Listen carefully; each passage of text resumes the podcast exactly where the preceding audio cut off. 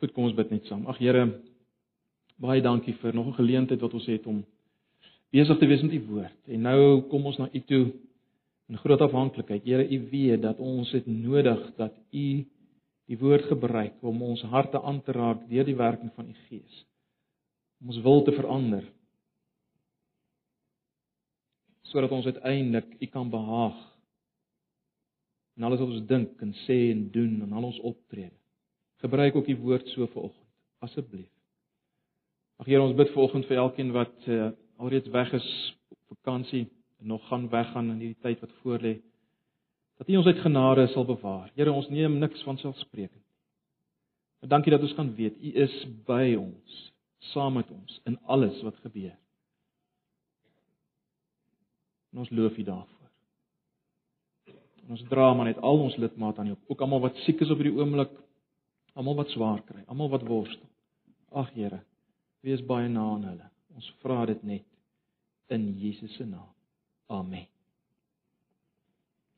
Ja, Romeine 3. Uh ek het gevra dat ons daar op die die op die uh PowerPoint die gedeelte sal sit. Ek, ek gaan die 53 vertaling lees. Ek weet baie van julle die 83 en as ek nou die 53 lees dan kan julle my dalk mis. So as jy uh net 'n uh, 83 vertaling het, kyk maar gerus daar op die bord, daar's die teks wat ek kan gebruik, so dit maak dit dalk makliker.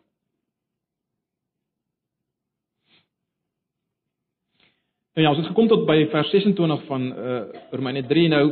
Die rede hoekom ons nie klaar gemaak het nie, hierdie laaste gedeelte van hoofstuk 3, vers 27 tot 31, sal julle sommer sien, pas baie beter in by hoofstuk 4. Maak baie meer sin saam met hoofstuk 4 en dis hoekom ons dit ook so gaan hanteer. Waar is dan die roem Dit is uitgesluit deur watter wet van die werke nee maar deur die wet van die geloof. Ons neem dus aan dat die mens geregverdig word deur die geloof sonder die werke van die wet. Of behoort God net aan die Jode en nie ook aan die heidene nie? Heidene nie? Ja, ook aan die heidene. Aangesien dit inderdaad een God is wat die besnedenis sal regverdig uit die geloof en die onbesnedenis deur die geloof. Maak ons dan die wet tot nie deur die geloof? Nee, stellig nie. Inteendeel ons bevestig die wet. Wat sal ons dan sê het Abraham ons vader na die vlees verkry? Want as Abraham uit die werke geregverdig is, het hy iets om op te roem. Jy sal sien daar kom die woord roem wat in vers 27 is na vore, né? Die twee dele pas by mekaar. Maar nie teenoor God nie. Want wat sê die skrif? Abraham het in God geglo en dit is hom tot geregtigheid gereken. Maar aan hom wat werk word die loon nie na guns toe gereken nie, maar na verdienste. Aan hom egter wat nie werk nie, maar glo in hom wat die goddelose regverdig, word sy geloof tot geregtigheid gereken. Soos Dawid ook die mens salig spreek aan wie God geregtigheid toereken sonder werke. En dan haal hy nou aan uit Psalm 32, welgeluksalig is hulle wie se ongeregtigheid ongeregtighede vergewe en wie se sondes bedek is. Vers 8, welgeluksalig is die man aan wie die Here die sonde nie toereken nie. Hierdie saligspreking dan sien dit op die besnedenis of ook op die onbesnedenis. Want ons sê aan Abraham is die geloof tot geregtigheid gereken. Hoe is dit dan toegereken toe hy besnede of onbesnede was? Nie as besnedene nie, maar as onbesnedene. En hy het die teken van die besnyders ontvang as 'n seël van die geregtigheid van die geloof toe hy nog nie besny was nie. Dat hy die vader sou wees van almal wat glo terwyl hulle onbesnede is, sodat ook aan hulle die geregtigheid toegereken sou word. En ook 'n vader van die besnydenis vir die wat nie alleen uit die besnydenis is nie, maar ook wandel in die voetstappe van die geloof van ons vader Abraham toe hy onbesnede was. Want die belofte dat hy erfgenaam van die wêreld sou wees, het Abraham of sy nageslag nie deur die wet verkry nie, maar deur die geregtigheid van die geloof. Want as hulle wat uit die wet is erfgename is, met ander woorde hulle wat die wet besit erfgename is, dan het die geloof waardeloos geword en die belofte tot niet geraak. Want die wet werk toorn, maar waar geen wet is nie, is daar ook geen oortreding nie. Daarom is dit uit die geloof sodat dit volgens genade kan wees en die belofte kan vas staan vir die hele nageslag, nie alleen vir die wat uit die wet is nie, maar ook vir die wat uit die geloof van Abraham is, die vader van ons almal. Soos geskrywe is, ek het jou 'n vader van baie nasies gemaak vir die aangesig van God in wie jy geglo het, wat die dode lewend maak en die dinge wat nie bestaan nie roep asof hulle bestaan.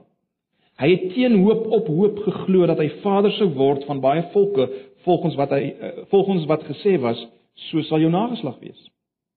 En sonder om te verswak in die geloof het hy al was hy omtrent 100 jaar oud, nie gelet op sy eie liggaam wat alreeds verstorwe was en op die verstorwe toestand van die moederskoot van Sara nie. En hy het nie deur ongeloof aan die belofte van God getwyfel nie, maar hy is versterk deur die geloof en het aan God die eer gegee. En was ten volle oortuig dat hy dis God ook die mag het om te doen wat hy beloof het.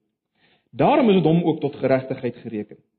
Maar is nie alleen om sy ontwil geskrywe dat dit hom toegereken is nie, maar ook om ons ontwil aan wie dit toegereken sal word, ons wat glo in hom wat Jesus, ons Here uit die dode opgewek het.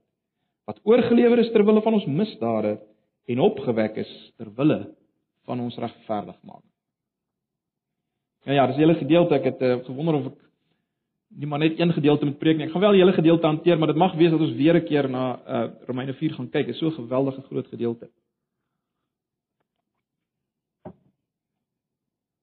Nou broers en susters, dit is nou maar eenmal so uh dat ons as mense graag wil voel uh, dat ons gekies is vir 'n sekere groep of behoort aan 'n sekere groep as gevolg van sekere goeie kwaliteite aan ons, as gevolg van prestasie aan ons kant. En daarom is ons geneig tot groot praat, roem, hoogmoed. Kyk, jy kry dit byvoorbeeld by skole. Uh sommige skole, kinders wat behoort aan sommige bekende groot skole is geneig om groot te praat, hoogmoedig te wees want kyk, hulle hulle dra hierdie das. Hierdie pet eh, of hierdie trui. Hulle is net eenvoudig beter as die ouens wat nie deel is van hierdie skool nie. Ek gaan nou maar nie name noem van skole. Maar julle kan twee en twee bymekaar sien. Nou ongelukkig dra ons hierdie geneigtheid oor op geestelike gebied, né? Nee, ons dra dit oor op ons Christen wees. As 'n mens na sekere getuienisse luister, dan lees jy tussen die lyne dat hy of sy wat getuig, voel tog dat die feit dat hy of sy geglo het maak darm dat hy of sy 'n bietjie beter is as die een wat dit nie gedoen het nie. En en daarom is God redelik in sy skik met hom of haar.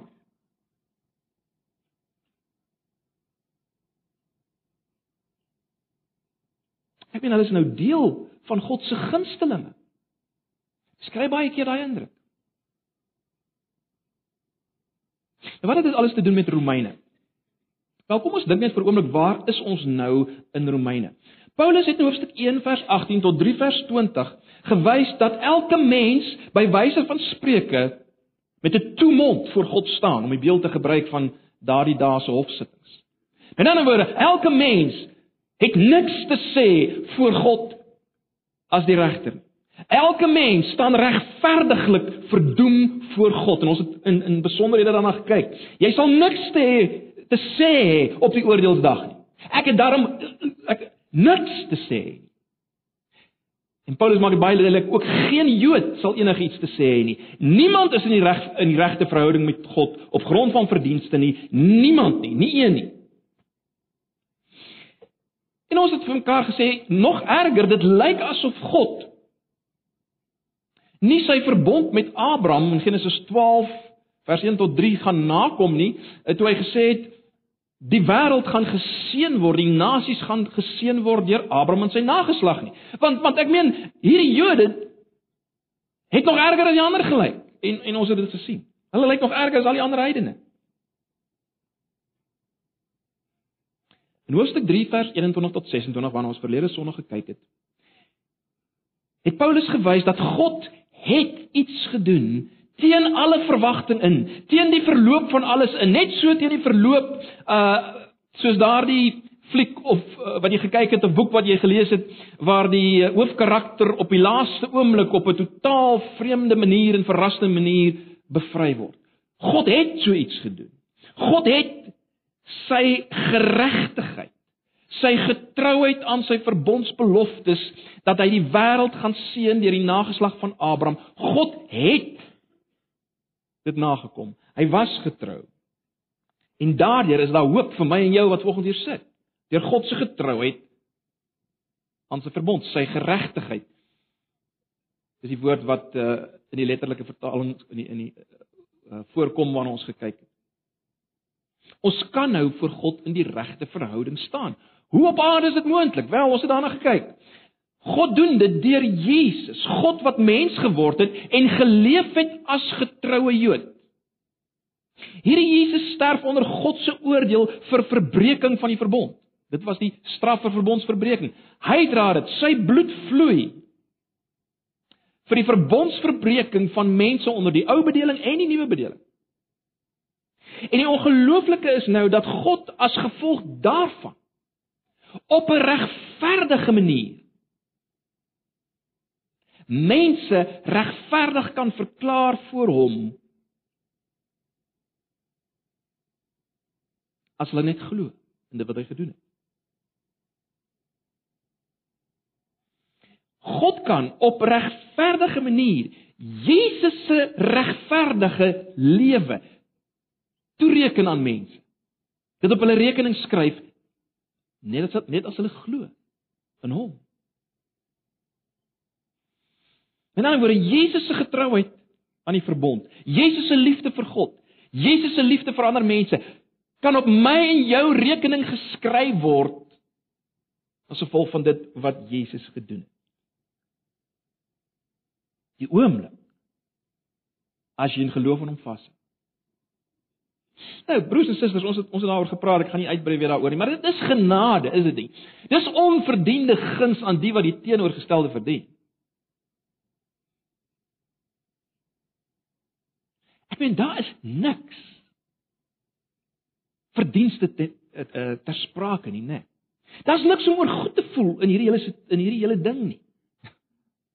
Alles het buite ons plaasgevind. Al die getrouheid, Al die prestasie, al die verdienste lê by iemand anders, by Jesus, niks by ons nie. Nou dit was baie moeilik vir die Jode om te sluk.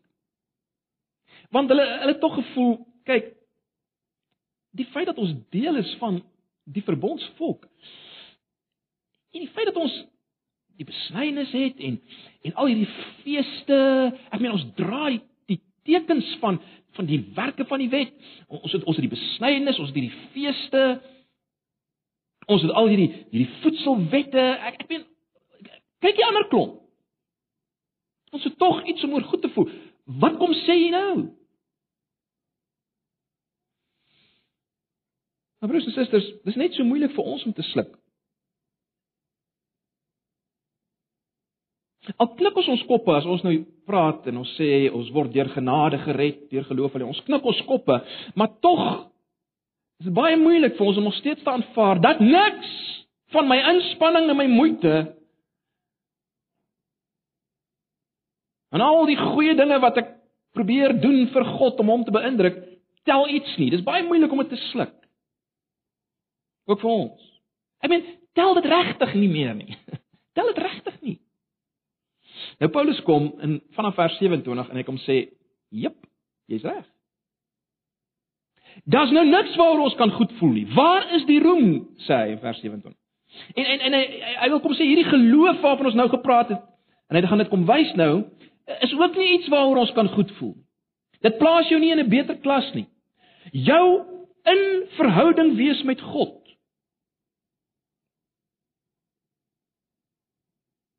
Want dis wat regverdigmaking beteken, nê, om in die regte verhouding met God te staan, in die regte verbondsverhouding nou met hom te staan op grond van wat Jesus gedoen het. Paulus kom wys dit en hoogmoed gaan nie saam nie. Dit en hoogmoed gaan nie saam nie. Maar Paulus kom doen nog iets hier. Hy doen die verrassende ding om te wys dat kyk dit was nog altyd altyd God se bedoeling dat mense deur geloof gered word in God se beloftes en nie deur wat hulle doen nie. En wat Paulus nou gaan doen is om te wys die einste Torah, die einste wet van Moses waaraan julle as Jode vashou, het dit geleer. Dis wat hy gaan doen. En hy vra daarom die verrassende vraag. Hy vra deur watter wet is roem uitgesluit? Hy vra die vraag, deur watter wet is roem uitgesluit? Nou onmiddellik kry jy natuurlik die aandag van die Jode, maar ook van die heidene wat dan ook wil hoor wat wat gaan hier aan. Nou baie belangrik net vir ons en ek het dit al gesê, ek sê dit weer. As Paulus die woord wet gebruik, dan gebruik hy dit vir wat in die Ou Testament bekend staan as die Torah. Nou die Torah is die hele wet van Moses wat van die berg Sinai afgekondig is, maar die Torah is ook die naam wat die Jode gegee het vir die vir die eerste 5 boeke, né? Nee, die Jode deel hulle Bybel op in in die Torah, Nevi'im, Ketuvim, die die wet, die profete en die geskrifte. Maar altyd as Paulus die woord wet gebruik, wat hy eh, die, die Griekse woord nomos wat hy wat hy gebruik, gebruik hy dit vir die Torah. Alraai, so dis baie belangrik. So Paulus vra, word roem, word groot praat, word goed voel oor jouself uitgesluit deur die Torah of dan wet van werke of deur die Torah wet van geloof. Dis wat hy vra daarin vers 27. Nou, ek weet sommige vertalers het gevoel mens moet die woord wet hier vertaal met beginsel want hy praat seker hier van die beginsel van werke en die beginsel Maar dis nie wat hy doen nie. En as jy dit doen dan dan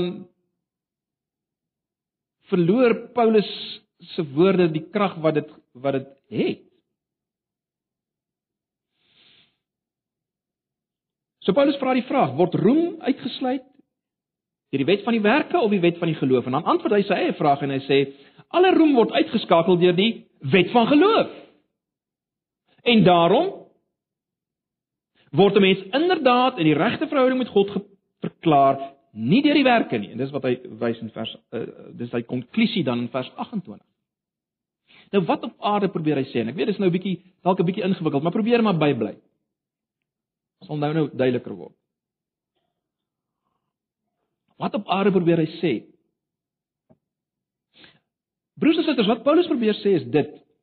Hy sê die Torah wat dan die wet van Moses is of die eerste 5 boeke kan of gesien word as 'n Torah gekenmerk deur werke of gesien word as 'n Torah gekenmerk deur geloof.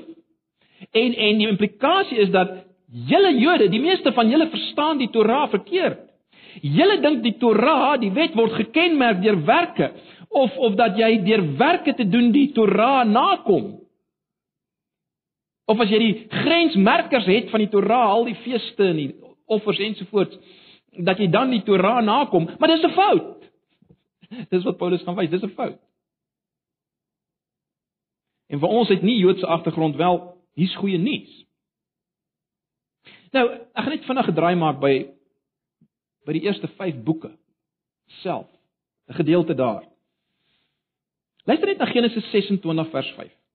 Ek lees dit maar soos dit in die 83 vertaling is. Die twee vertalings is baie dieselfde en en dit stem baie ooreen met die met die grondteks. Luister wat sê God in Genesis 26 vers 5. Genesis 26 vers 5.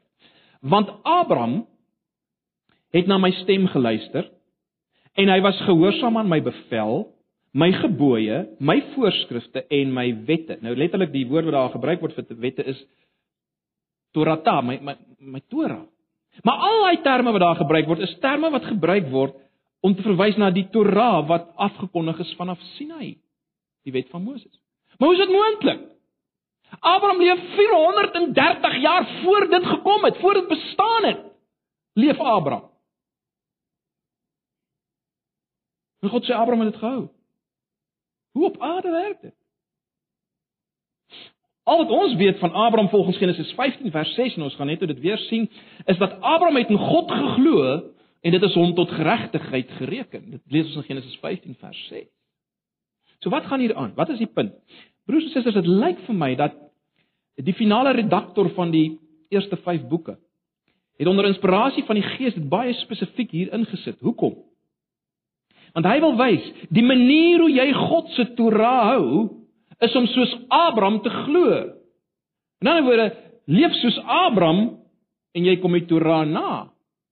Aan die ander kant, baie interessant, in Numeri 20 vers 1 tot 13 lees ons van Moses en Aaron, die die ouens wat uitgestaan het onder die wat nou 430 jaar later geleef het, nê, nee, wat uitgestaan het onder die wet van Moses bedeling. Ons lees daarvan hulle en ons lees dat hulle was die groot manne onder hierdie wetsbedeling. Hulle kon nie die land ingaan nie. God se gawe van die land ingaan nie. As jy wil en knoop maar julle ore, uh, en maak ek knoop in die oor. Hulle kon nie die erflating ingaan nie. En die rede daarvoor in Numeri 20 vers 12 omdat julle my nie geglo het nie. Baie interessant. Julle het my nie geglo nie. So. Sonder om te lank hierop stil te staan, broers en susters, die punt is dit. Daar was nog altyd 'n Torah gekenmerk deur werke en 'n Torah gekenmerk deur geloof. En Paulus gaan in hoofstuk 10 van Romeine weer op hierdie vraag in, baie interessant. Maar maar wat Paulus wil kom wys is dit. As jy die Torah, as jy die wet hanteer as 'n wet gekenmerk deur werke, dan vernietig jy die Torah. Dis wat hy kom sê. Kan julle dink die skok vir die Jode? As jy die Torah hanteer as 'n wet gekenmerk deur werke, dan vernietig jy die Torah. Hoekom? Wel, dis die punt wat hy in vers 29 en 30 wil maak.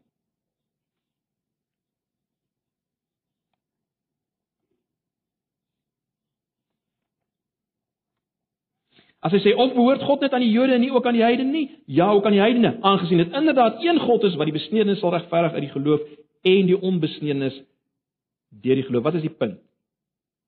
Jy sien in die Torah, in die eerste 5 boeke, dink aan Deuteronomium 6 vers 4, word daar eksplisiet gesê die Here is een Here. God is een God. So die heidene het nie hulle eie God en die Jode hulle eie God. Dis een God. Die God van besnedenis die Jode en onbesnedenis die nie Jode. En dis wat die Torah, die Torah sê dit. En ons weet die beloftes aan Abraham wat gemaak word in die eerste 5 boeke sê dat daar gaan seën wees vir die nasies. Maar maar sien julle die punt? As 'n mens nou gered kan word op grond van die feit dat jy die dinge van die Torah doen omdat jy gehoorsaam is aan die dinge van die Torah of omdat jy die merktekens van hierdie Torah het, eh, al die feeste en al die dinge en die besnydenis wel, dan vernietig jy die Torah wat sê dat God die God is vir Jode en heidene, want dan kan net Jode gered word. So jy vernietig daardie Torah wat sê daar's daar's hoop vir die heidene. Jy vernietig daardie Torah, die wet. En dan's daar rede vir roem terloops So die punt is as jy die Torah sien as 'n Torah gekenmerk deur werke, wet gekenmerk deur werke, dan vernietig jy die Torah en dis 'n skok vir die Jode. Dit was 'n skok vir hulle. Aan die ander kant, as jy die Torah, as jy die wet sien as 'n wet gekenmerk deur geloof, vers 31 sê, dan bevestig jy die wet. Dan bevestig jy die wet. En dis wat Paulus sê. Hy sê Dit wat hy nou verkondig, die verlossing deur die geloof in Jesus, bevestig die Torah, want in die Torah gaan dit ook oor geloof. Hulle het dit net nie raak gesien nie. Dis wat bedoel word met dan bevestig ons die Torah. Nou, broers en susters, is dit nou enigstens 'n verrassing dat Paulus nou in hoofstuk 4 sy aandag fokus op Abraham? Geen verrassing nie, né? As mens dit verstaan nie. In hoofstuk 4 kom hy en hy fokus op Abraham, maar, maar baie belangrik in die groter prentjie wil hy nou meer kom wys as net Abraham as 'n voorbeeld. Hy wil kom wys wat was die bedoeling van die verbond nog altyd. Hy wil kom wys wie is deel van hierdie verbondsfamilie? Hoe lyk hulle? Wat is die aard van Abraham se familie? Maar om dit vir ons makliker te maak en dis hoe ek dit uitgesit het daar op die preekraamwerk. Kom ons kyk hoe lyk Abraham se geloof waardeur hy in die regte verhouding met God gestaan het. En per implikasie dan, hoe moet ons geloof lyk as ons wil deel wees van Abraham se familie? As ons in die regte verbondsverhouding met God wil staan, reg voor God wil staan, hoe moet ons lyk? Hoe moet ons geloof lyk? En die eerste ding wat ons sien van hierdie geloof is dat hierdie geloof is volkome in stryd met enige teenprestasie. Hierdie geloof is volkome in stryd met enige teenprestasie. Dit is dis wat ons kry in vers 3 tot 8. sien julle dit? Paulus kom praat oor Abraham. Die vader van die Jode. En hy sê Abraham is nie in die regte verhouding met God geplaas deur werke nie. En hy kom verder en hy sê Abraham, onthou Abraham was die was die hoofseun van die Jode. En hy kom wys Abraham het niks gehad om oor groot te praat of te roem nie. Kyk, sê Paulus. Hy sê kyk verseker sou Abraham iets gehad het om oor goed te voel, om oor groot te praat, as hy dit dit wat hy gekry het verkry het deur dinge te doen. Ek meen dan het Abraham alle reg gehad om bietjie te roem en groot te praat, maar die punt wat Paulus maak is hy het niks gedoen nie. Kyk na vers 2 en 3. 4 vers 2 want as Abraham uit die werke geregverdig is, het hy iets om op te roem, maar nie teenoor God nie. Want wat sê die skrif? Abraham het in God geglo en dit is hom tot geregtigheid gereken. Maar Paulus is nog nie klaar nie. Hy sê 'n skokkende ding in die volgende vers. 'n Skokkende ding wat alle gevoel van beter wees, alle gevoel van groot praat en hoogmoed van enige mens, Jood en heiden, absoluut van die tafel afvee. Kyk bietjie na vers 5. Vers 4 staan daar aan hom wat werk word die loon nie na guns toegereken nie, maar na verdienste. As jy werk vir iets wel, verseker dan kry jy dit uit verdienste. Maar luister, aan hom egter wat nie werk nie, maar glo in hom wat die goddelose regverdig word sy geloof tot geregtigheid gereken. Hier staan twee woorde langs mekaar wat geweldig is, is dit nie? Hier staan twee woorde langs mekaar wat geweldig is. Goddeloos en regverdig. Per implikasie sê Paulus dat Abraham was 'n goddelose en ons weet hy was. Ek weet Abraham se ouers, as jy kyk na Josua 24 uh, 24 vers 2, Abraham se ouers het afgodspale in hulle agterjaard gehad. Sy ouers was afgode dienaars. Dis hoe hy groot geword het.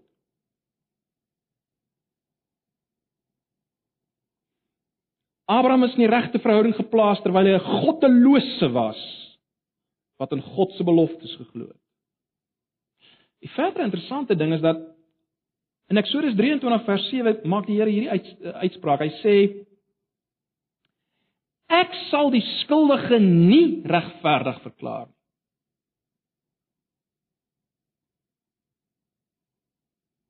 Geweldig, is dit nie?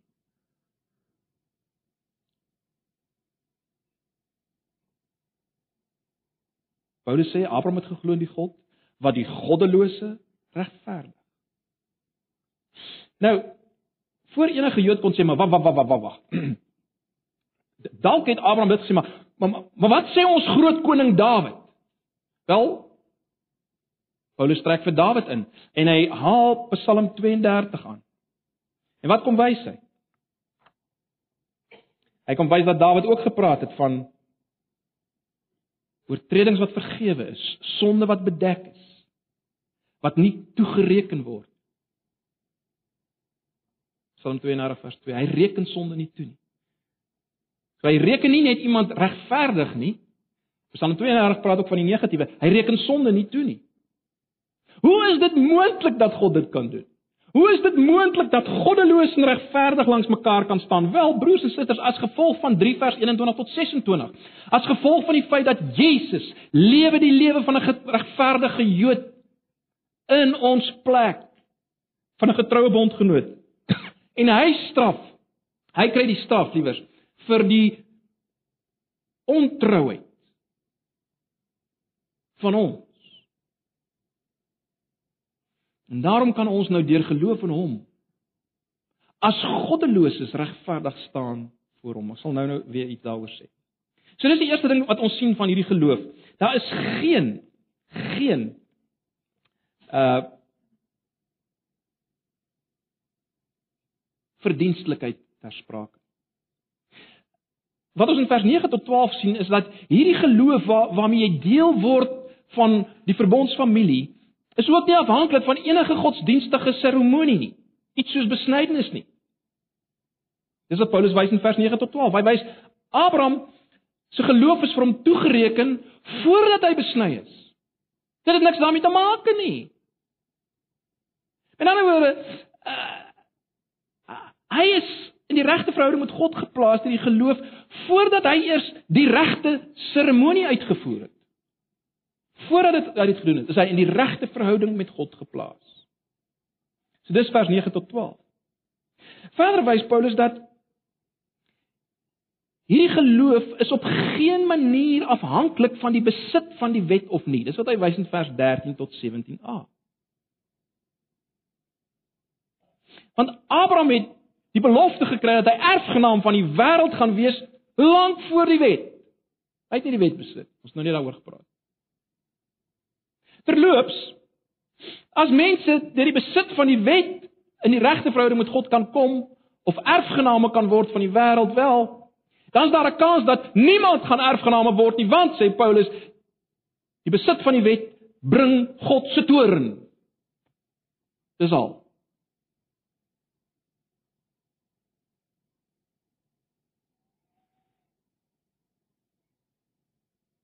Verder wys Paulus in vers 18 tot 25 dat hierdie geloof rus in 'n belofte wat indruis teen dit wat natuurlik en normaal is. Dis vers 18 tot 25.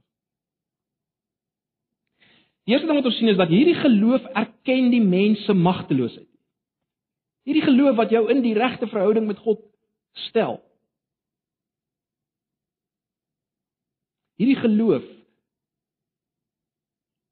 erken die magteloosheid van die mens. En Paulus verwys na Abraham en Sara. Julle weet, Abraham was al 99 jaar oud en Sara heeltemal oor die ouderdom van kinders kry. Albei met ander woorde was, en dis die woord wat letterlik hier gebruik word. Hulle was eintlik wat kinders kry betref was hulle dood geweest. Hulle kon nie hulle dit kon nie meer werk nie.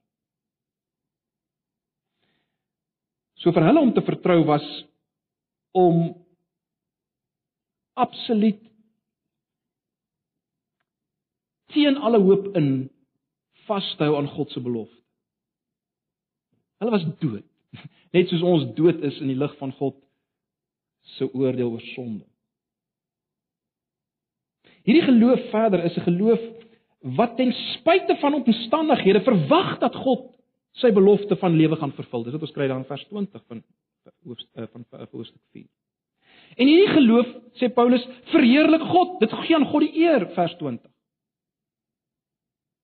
Julle sal sien Paulus sê dat hierdie geloof is ten volle oortuig. Hierdie geloof is ten volle oortuig as 'n rasionele oortuiging, nie net as 'n soort van 'n irrasionele gevoel nie, vers 21. Hierdie geloof is ten volle oortuig dat God die soort God is wat beide gewillig is en in staat is om sy beloftes te hou.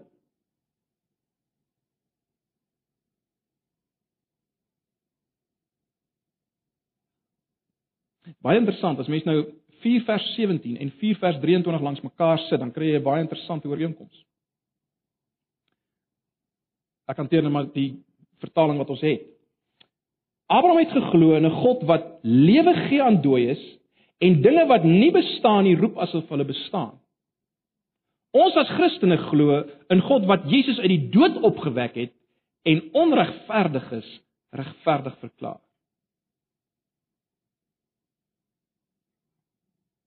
En die verklaar van 'n onregverdige as 'n regverdige broers en susters is niks anders nie as om iets wat nie bestaan nie te roep asof dit bestaan. Want dit is nie ons wat in onsself regverdig is nie. Ons het al hoeveel keer vir mekaar gesê ons staan voor God met Jesus se regverdigheid. Maar die punt is, daar's 'n geweldige ooreenkoms. Paulus wil sê, dis hoe hierdie geloof lyk wat jou deel maak van God se verbondsfamilie, wat jou kind van Abraham maak. Onthou, ons en Abraham glo ten diepste in dieselfde belofte. Hy het vooruit gekyk. Ons kyk agter. Agtertoe as te waar. Die belofte, die saad, Jesus. So dis wat ons kry in kort hier in hoofstuk 4. Maar kom ons bring 'n bietjie nader aan ons lyf. Kom ons bring dit nou nader aan ons lyf. En die eerste punt wat ek wil maak is ek wil iets sê oor die ontsaglike gevaar van hoogmoed. Waarom is hoogmoed broers en susters so absoluut gevaarlik vir ons as Christene? Hoekom? Want hoogmoed veroorsaak dat God nie geëer word nie. Hoogmoed veroorsaak dat Hy nie groot gemaak word nie. Ons gesien per definisie is dit wat geloof doen. Geloof is per definisie iets wat God die eer gee. Dit het ons by Abraham gesien. So daarom kan die twee nie saam bestaan nie. Hoogmoed en Christen wees gaan nie saam nie. Arrogante Christene is 'n teenstrydigheid. Hoogmoed en Christen wees gaan hoegenaamd nie saam nie. Kom ek stel dit anders. Jy kan nie God aanbid En dalk is die volgende van ons wat God nie kan aanbid nie want jy's te hoogmoedig. Ek bedoel, hoekom op aarde sal jy God aanbid as jy die middelpunt van alles is? En daar's geen rede hoekom jy vir hom sal buig en hom die eer sal gee nie, want jy is die belangrike een. Hoekom sal jy hom eer? Kan jy sien hoekom Paulus sê hierdie wonderlike boodskap van wat God en Jesus gedoen het, daar's geen hoogmoed nie, daar's geen roem nie. Want die twee sluit mekaar uit. Dit kan nie saam bestaan nie.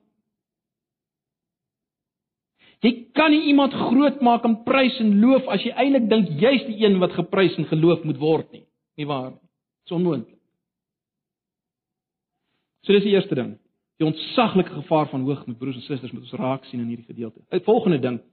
Wie kwalifiseer vir verlossing of regverdigmaking? Ag. Dalk is hier volgens iemand wat dink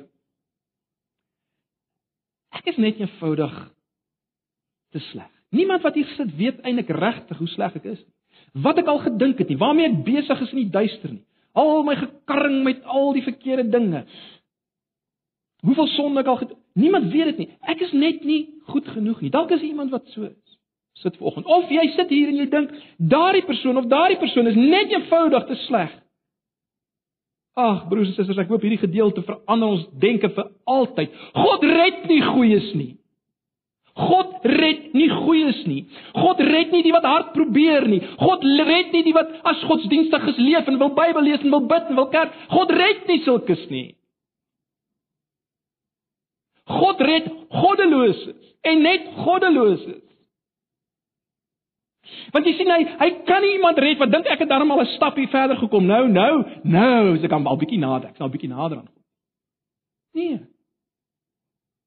Hy red die mense wat wys hulle stel almal 'n bietjie belang in die hele storie. God red goddeloses. Jesus maak dit baie duidelik. Hy sê ek het nie gekom vir die regverdiges nie. Maar vir die sondaars.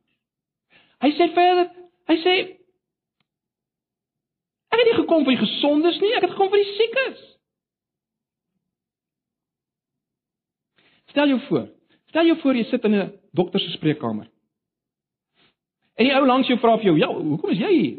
En jy sê, "Wel man, ek is hier om vir die dokter te vertel in watter uitstekende toestand is ek." Broers en susters, dit maak tog nie sin nie, maak dit sin? Dit maak nie sin nie. Jy is by die dokter omdat jy siek is.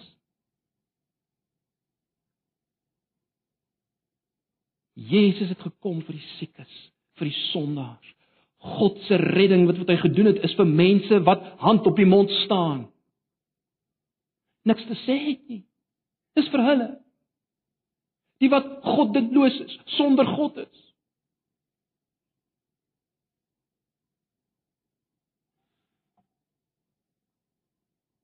Vat dit voor.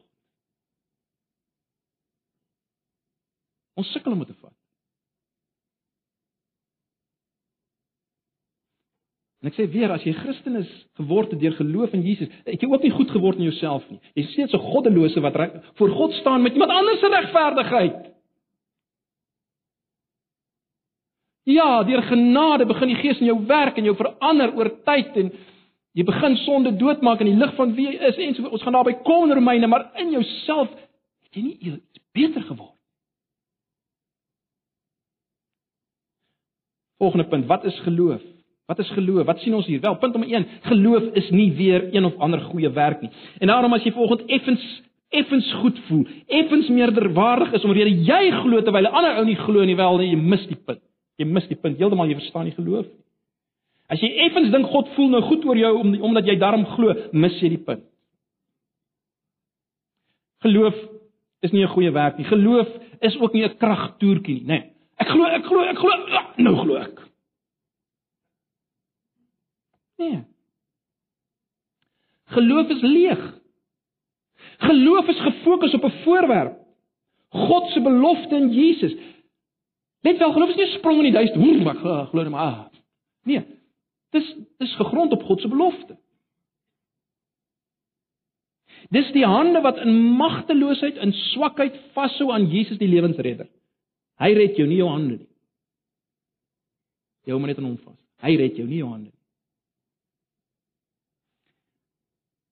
Geloof broers en susters, nou ek het dit al daaroor gepraat, maar baie belangrik. Geloof is die doodsvonnis oor die self. Jy sien om te glo is nie bloot om te sien dat ek is so hulpeloos soos 'n kind nie. Geloof is ook om dit te erken dat ek so hulpeloos is soos 'n kind. Ek gaan vir julle 'n aanhaling lees van 'n Noorse professor O. Hallesby wat jare gelede dit geskryf het. Ek het dit nou probeer vertaal. Hy stel dit so, hy sê solank as ek volgens my ingebore natuur dink dat ek 'n deel moet bydra en dat ek Christus moet bystaan in my verlossing, of dit nou deur bekering, berou of geloof is, solank ek dit doen, openeer ek staan ek die verlossing van God teë, of ek dit besef of nie. So sê Hallesby, God se stil maar doelgerigte werk in hierdie tyd is om my dood te maak anders gestel om my te oortuig om alle teenkanting tersyde te lê wat weer beteken dat ek moet erken dat ek niks kan doen nie behalwe as om in die pad te staan van God se werk. Dis al wat ek kan doen. Ek kan net in die pad staan. Van die oomblik dat ek dit erken, kan God sy hele verlossing absolute seënskap vir my gee soos 'n klein kindjie. Broers en susters, dis geloof. Dis geloof. Nothing in my hands I bring, simply to thy cross I cling. Dis wat dit beteken. Geloof baie belangrik. Geloof is sekerheid. Julle het dit hier gesien? Geloof is sekerheid. Ek hoef nie na ander dinge te kyk om te sien glo ek regtig nie. Die geloof self is die sekerheid. Ander dinge kan my help om te sien wel ek is ek is op die regte pad. Maar as ek na daai dinge begin kyk, gaan ek is dit weer verlore. Ek moet na Jesus kyk. Ek het al die beeld gebruik, kom ek gebruik dit vinnig weer. Dis soos iemand wat vir die eerste keer in Johannesburg kom. Van die platte land af iewers in die Karoo of iewers in Namibië en hy kom in Johannesburg. En hy moet elders heen gaan. Maar nie idee om daar te kom nie. Hy moet agter iemand aanry. Polisie begeleiding om daar te kom. Soos hy ry, sien hy bordjies. Kom ons sê hy is op pad uh Boksburg. Soos hy ry, sien hy daar's bordjies wat sê Boksburg uit die hoek van sy oog sien hy dit lyk asof dit is op op die regte pad is, maar dan gaan hy weer oor 'n snelweg en dit draai verkeerde kant toe. Dit lyk asof hy nie aan die verkeerde kant toe ry nie. Die punt is as hy begin kyk na hierdie bordjies, dan gaan hy weer totaal verdwaal. Hy moet sy oë hou op die polisiebegeleiding voor hom. Broers en susters, dis geloof. Ons moet ons oë hou op Jesus. Ons kan nie begin rondkyk na dit wat daar nou wys dat ek nee. Kyk na Jesus. Geloof is seker. Geloof is seker. Net baie vinnig. Ek het uh gehoor dat van die groepe selgroepe geredeneer het oor oor oor hierdie punt. Hulle het gesê, maar kyk, Abraham het in God geglo. Moet ons ook nou net in God glo of glo ons in Jesus? En beteken dit nou dat uh dat mense maar net in God kan glo en nie in Jesus nie? Nou, my kort antwoord is dit. Natuurlik moet ons in dieselfde God as Abraham glo, maar die punt is, daardie God het homself meer en meer geopenbaar, né? Nee.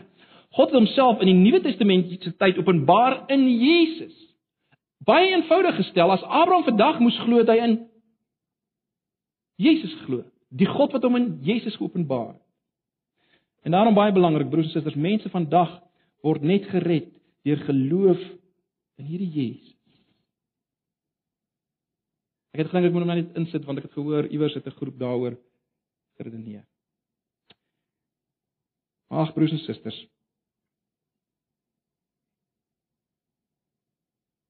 Kom ons verheug ons daarin dat ons kan deel word op hierdie manier van God se groot plan. Van God se verbondsfamilie wat strek vanaf Genesis 12 vers 3.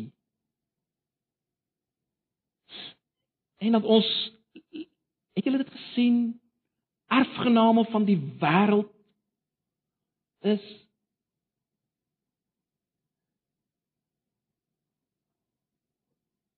as ons deel is van hierdie nuwe familie van Jood en heiden. Deur die geloof kyk na Jesus is ons erfgename van die wêreld. Ons is deel van 'n nuwe groep. Ons is deel van 'n nuwe familie. Ag en dit alles as gevolg van dit wat Jesus gedoen het. Mag nou die genade van ons Here Jesus en die liefde van God en die gemeenskap van sy Heilige Gees met julle elkeen wees en bly ook in hierdie Paastyd wat voorlê as ons ook spesifiek gaan dink aan die hierdie kruis en die opstanding van Jesus. Amen.